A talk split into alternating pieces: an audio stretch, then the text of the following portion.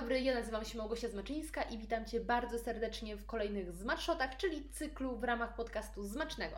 W podcaście Zmacznego opowiadam nieznane historie o bardzo znanych produktach lub potrawach, natomiast w Zmatshotach robię przegląd najciekawszych newsów około kulinarnych, czyli trendy, nowinki, yy, różne doniesienia, skandale i najciekawsze akcje marketingowe właśnie związane z jedzeniem. Także nie przedłużając, bardzo miło mi jest Was widzieć na YouTubie albo słyszeć na Spotify lub w innej dowolnej aplikacji do słuchania podcastu. Dzisiejsze smarshoty zaczniemy od TikToka, ponieważ wydarzyło się tam rzecz, o której mówi cały świat, a przynajmniej ten świat już stiktokowany.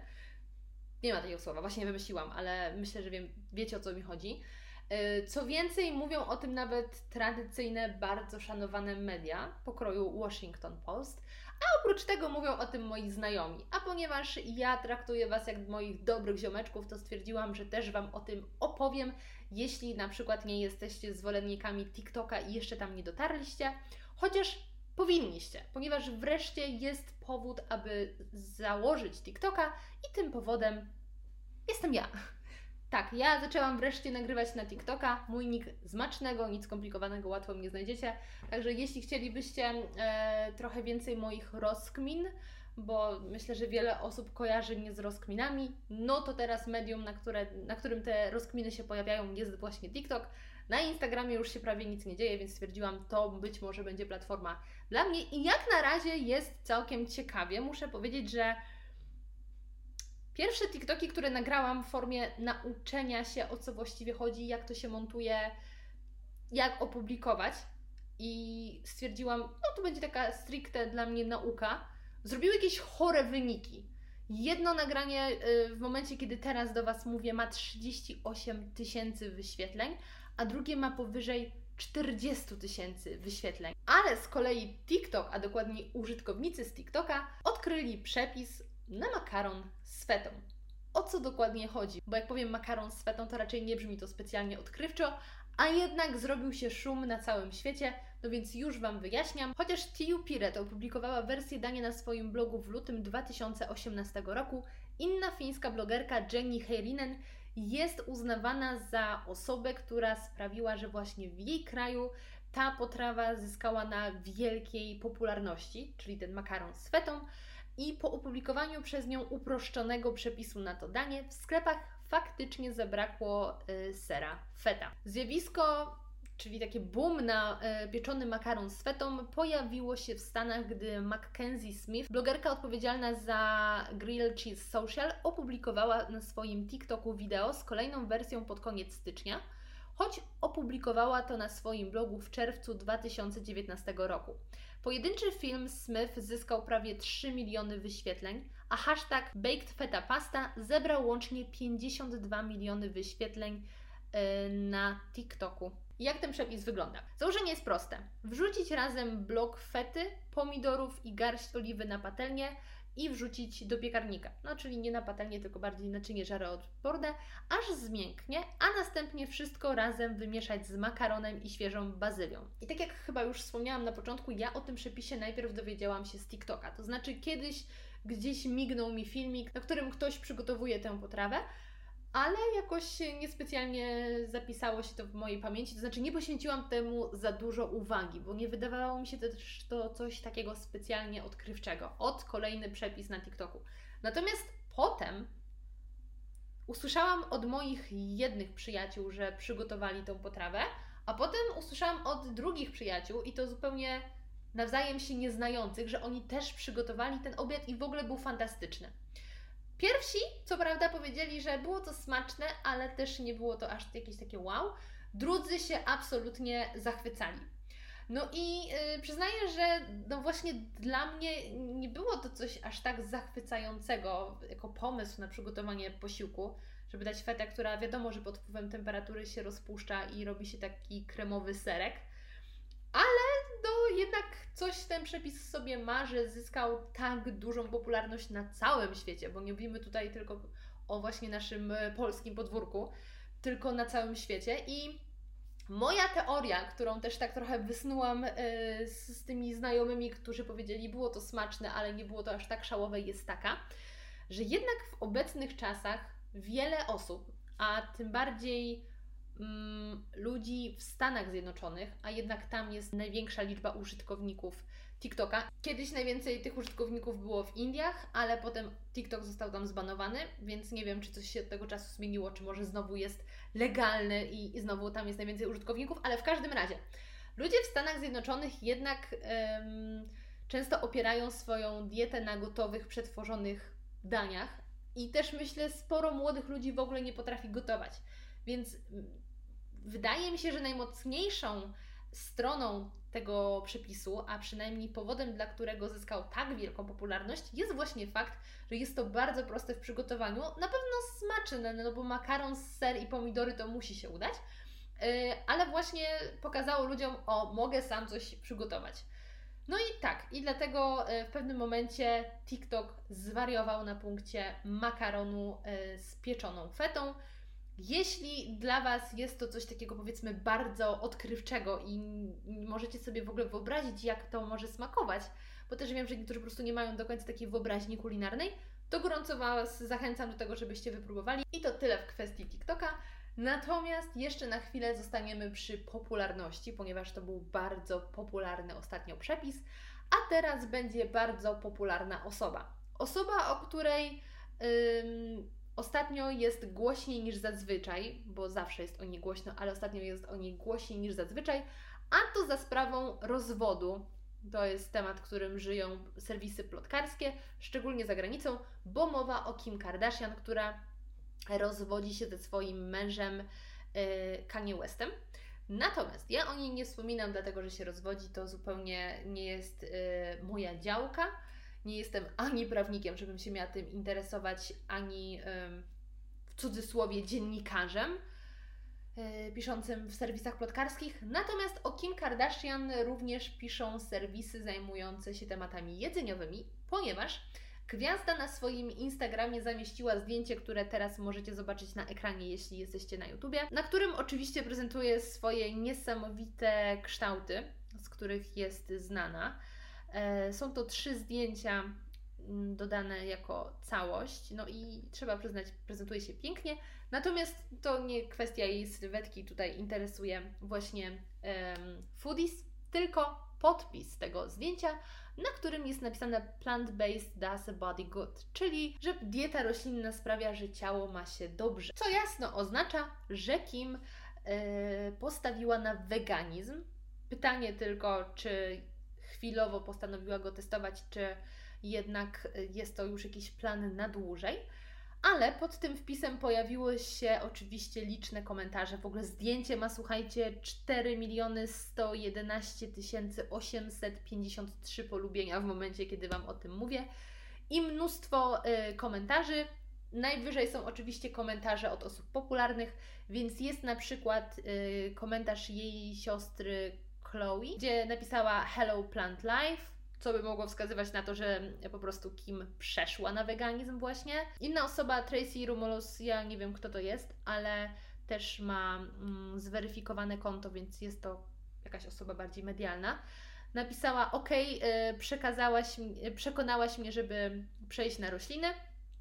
To oczywiście w tłumaczeniu. I połowa komentarzy dotyczy właśnie sylwetki, druga połowa z kolei diety roślinnej. I niezależnie od tego, czy jest to tylko kwestia ograniczenia produktów mięsnych, czy e, już całkowicie przejście na zieloną stronę mocy, to i tak ode mnie wielka okejka i brawa, bo e, wszystkie osoby na diecie wegańskiej, roślinnej bardzo mi imponują, także a teraz z wielkiego świata przenosimy się do trochę mniejszego świata, po prostu na nasze podwórko, a dokładniej na stronę portal spożywczy, który, którego twórców w ogóle bardzo serdecznie pozdrawiam, ponieważ na portalu pojawił się artykuł, można wręcz powiedzieć śledztwo dziennikarskie i to w bardzo ważnej sprawie, ponieważ autor tego artykułu, Adam Tubilewicz, postanowił sprawdzić, co się stało z kremem Snickers. Co ciekawe,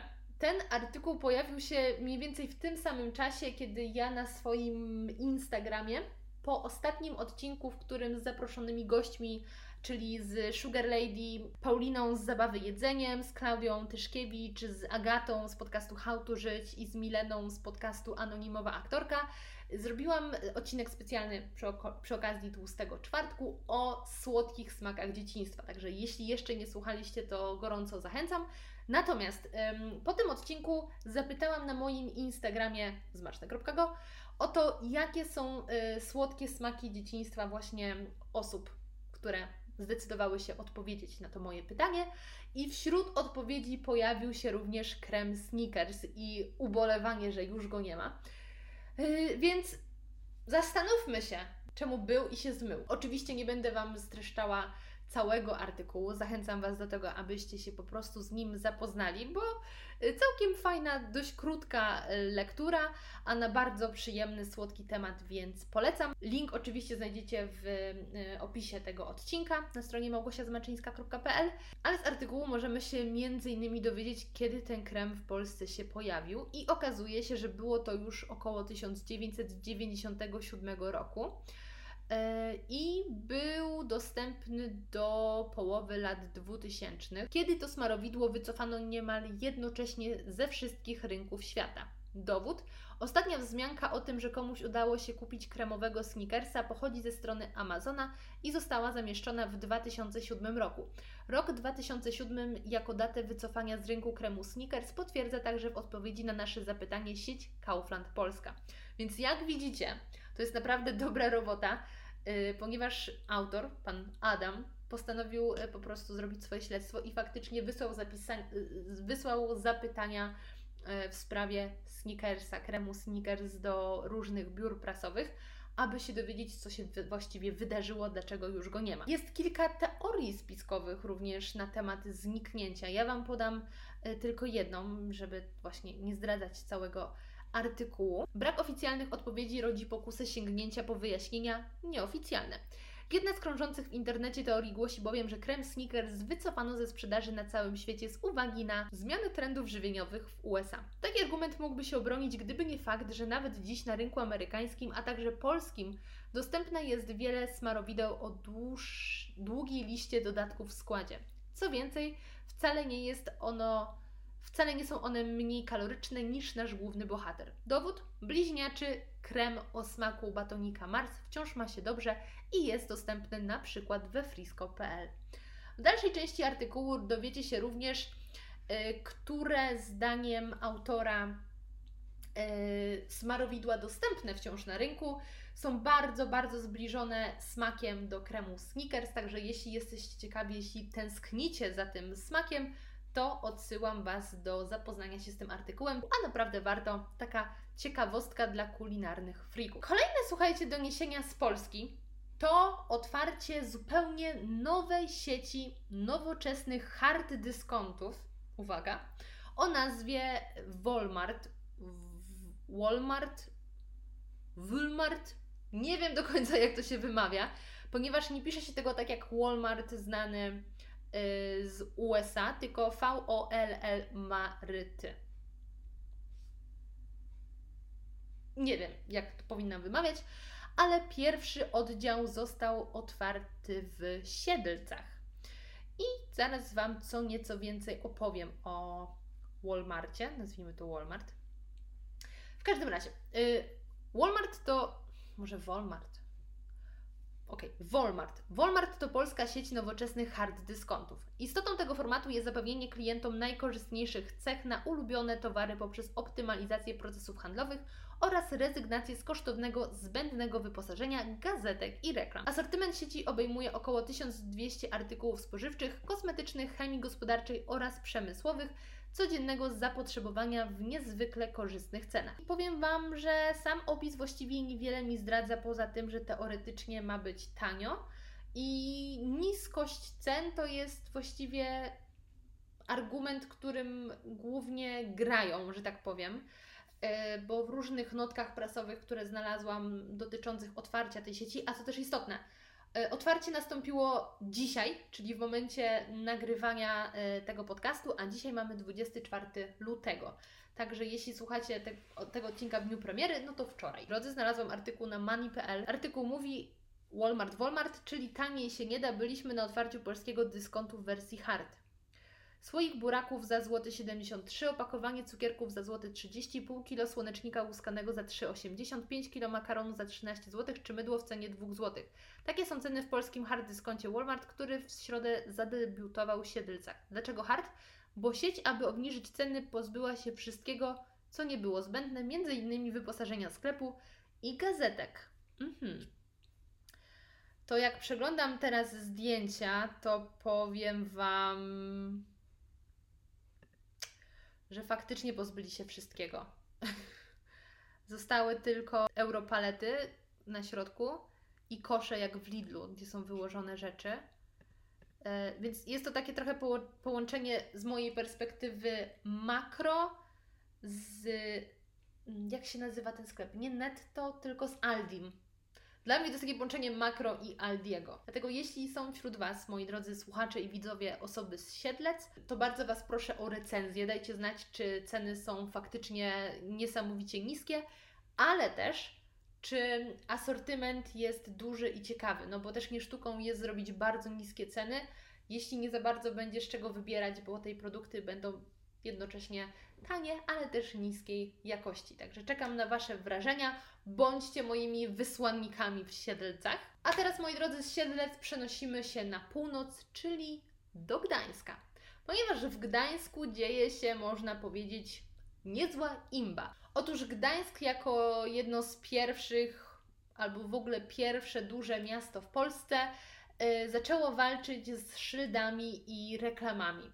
Czyli to, z czym wiele miast mówiło, że będzie walczyć, i coś, ta walka nie wygląda specjalnie spektakularnie. Na pewno w drodze do Zakopanego wygląda w ogóle, że ktoś był chyba z Francji, kto wypowiedział wojnę, bo bardzo szybko zaczął machać białą flagą. No w każdym razie nic się nie robi. Te reklamy zaśmiecają absolutnie krajobraz, szyldy są wszędzie, banery. Po prostu jeden wielki taki bałagan wizualny ale Gdańsk jest tutaj tym pięknym y, wyjątkiem, dowodem na to, że można. No i okazuje się, że od kwietnia 2018 roku wszystkie nowe reklamy czy billboardy montowane w mieście, w zależności od dzielnicy, muszą spełniać określone normy estetyczne zapisane w uchwale. Jeśli właściciel nie chce usunąć bądź dostosować reklamy do wytycznych, naliczane są kary. I co się okazuje? Efektem ustawy jest zniknięcie z przestrzeni miejskiej m.in. wysokich pylonów, to w ogóle ciekawe, że to się nazywa pylon, z charakterystycznymi żółtymi łukami McDonald's. Sieć fast food postanowiła zaskarżyć tę decyzję do sądu. Zdaniem przedstawicieli sieci wszystkie pylony z nazwą własną marki są kluczowe dla prowadzenia tego typu działalności gospodarczej. Yy, więcej na temat tej sprawy przeczytacie w artykule yy, na noise.pl. Ale muszę powiedzieć, że jest to całkiem ciekawa sprawa, bo z mojej perspektywy, oczywiście możecie mieć zupełnie inne zdanie i powiedzieć, że nie mam racji. Władze Gdańska też pewnie powiedziałyby, że nie mam racji. Natomiast dla mnie te łuki nie są tym samym, co powiedzmy billboardy. I nie powiedziałabym, że taki łuk McDonalda zaśmieca krajobraz, ale oczywiście mogę się mylić. Niemniej trzeba przyznać e, tutaj McDonaldowi, że faktycznie jest to uderzanie w ich trochę tożsamość, bo przecież ich, jedna z ich kampanii nawet opierała się na tych łukach, czyli e, chyba świeci, to znaczy, że jest otwarte. Coś takiego było, że właśnie widać było e, łuki na horyzoncie, więc wiadomo było, że jest otwarte, można zajechać coś zjeść. No, ciekawa akcja. Jestem ciekawa, co wydarzy się dalej. Niemniej wielkie brawa za, dla Gdańska, że yy, zajął się tematem tych billboardów, bo nasze miasta są tak nimi zaśmiecone. Tak odbiera się urok naszych pięknych miasteczek tymi obrzydliwymi plakatami i tak dalej, i tak że yy, no cóż, muszą być ofiary, nawet jeśli to jest McDonald's. Ale yy, McDonald's jeśli nawet będzie musiał pozbyć się na stałe tego łuku w Gdańsku, to nie pozbędzie się łuków na nowych opakowaniach swoich produktów. Bo okazuje się, że pojawiły się w sieci zdjęcia nowej szaty graficznej, która będzie zdobiła właśnie opakowania kanapek, frytek i y, całego asortymentu sieci. I jak możemy przeczytać na stronie wirtualnemedia.pl, opakowania produktów McDonald's zyskały nowy i zabawny wygląd. Zaprojektowała je firma Peer Fisher. Nowe opakowania ozdobione są minimalistyczną grafiką sugerującą, jakie potrawy zawierają. Bułeczki sezamowe na pudełku Big Maca, ociekający ser na pojemniku Quarter Pounder Deluxe, czyli podwójny makrojal, e, niebieskie fale owijające muszle na filet o fish, czyli wydaje mi się, że to jest po prostu macfish. Żółte kółko na opakowaniu Egg McMuffin przypominające żółtko i wschodzące słońce, e, a także frytki z nadrukiem z tyłu pudełka French fry.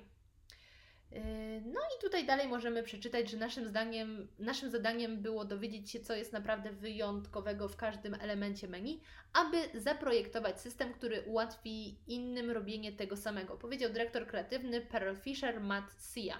Piękno tkwi w prostocie kultowego, kultowych pozycji menu McDonald's.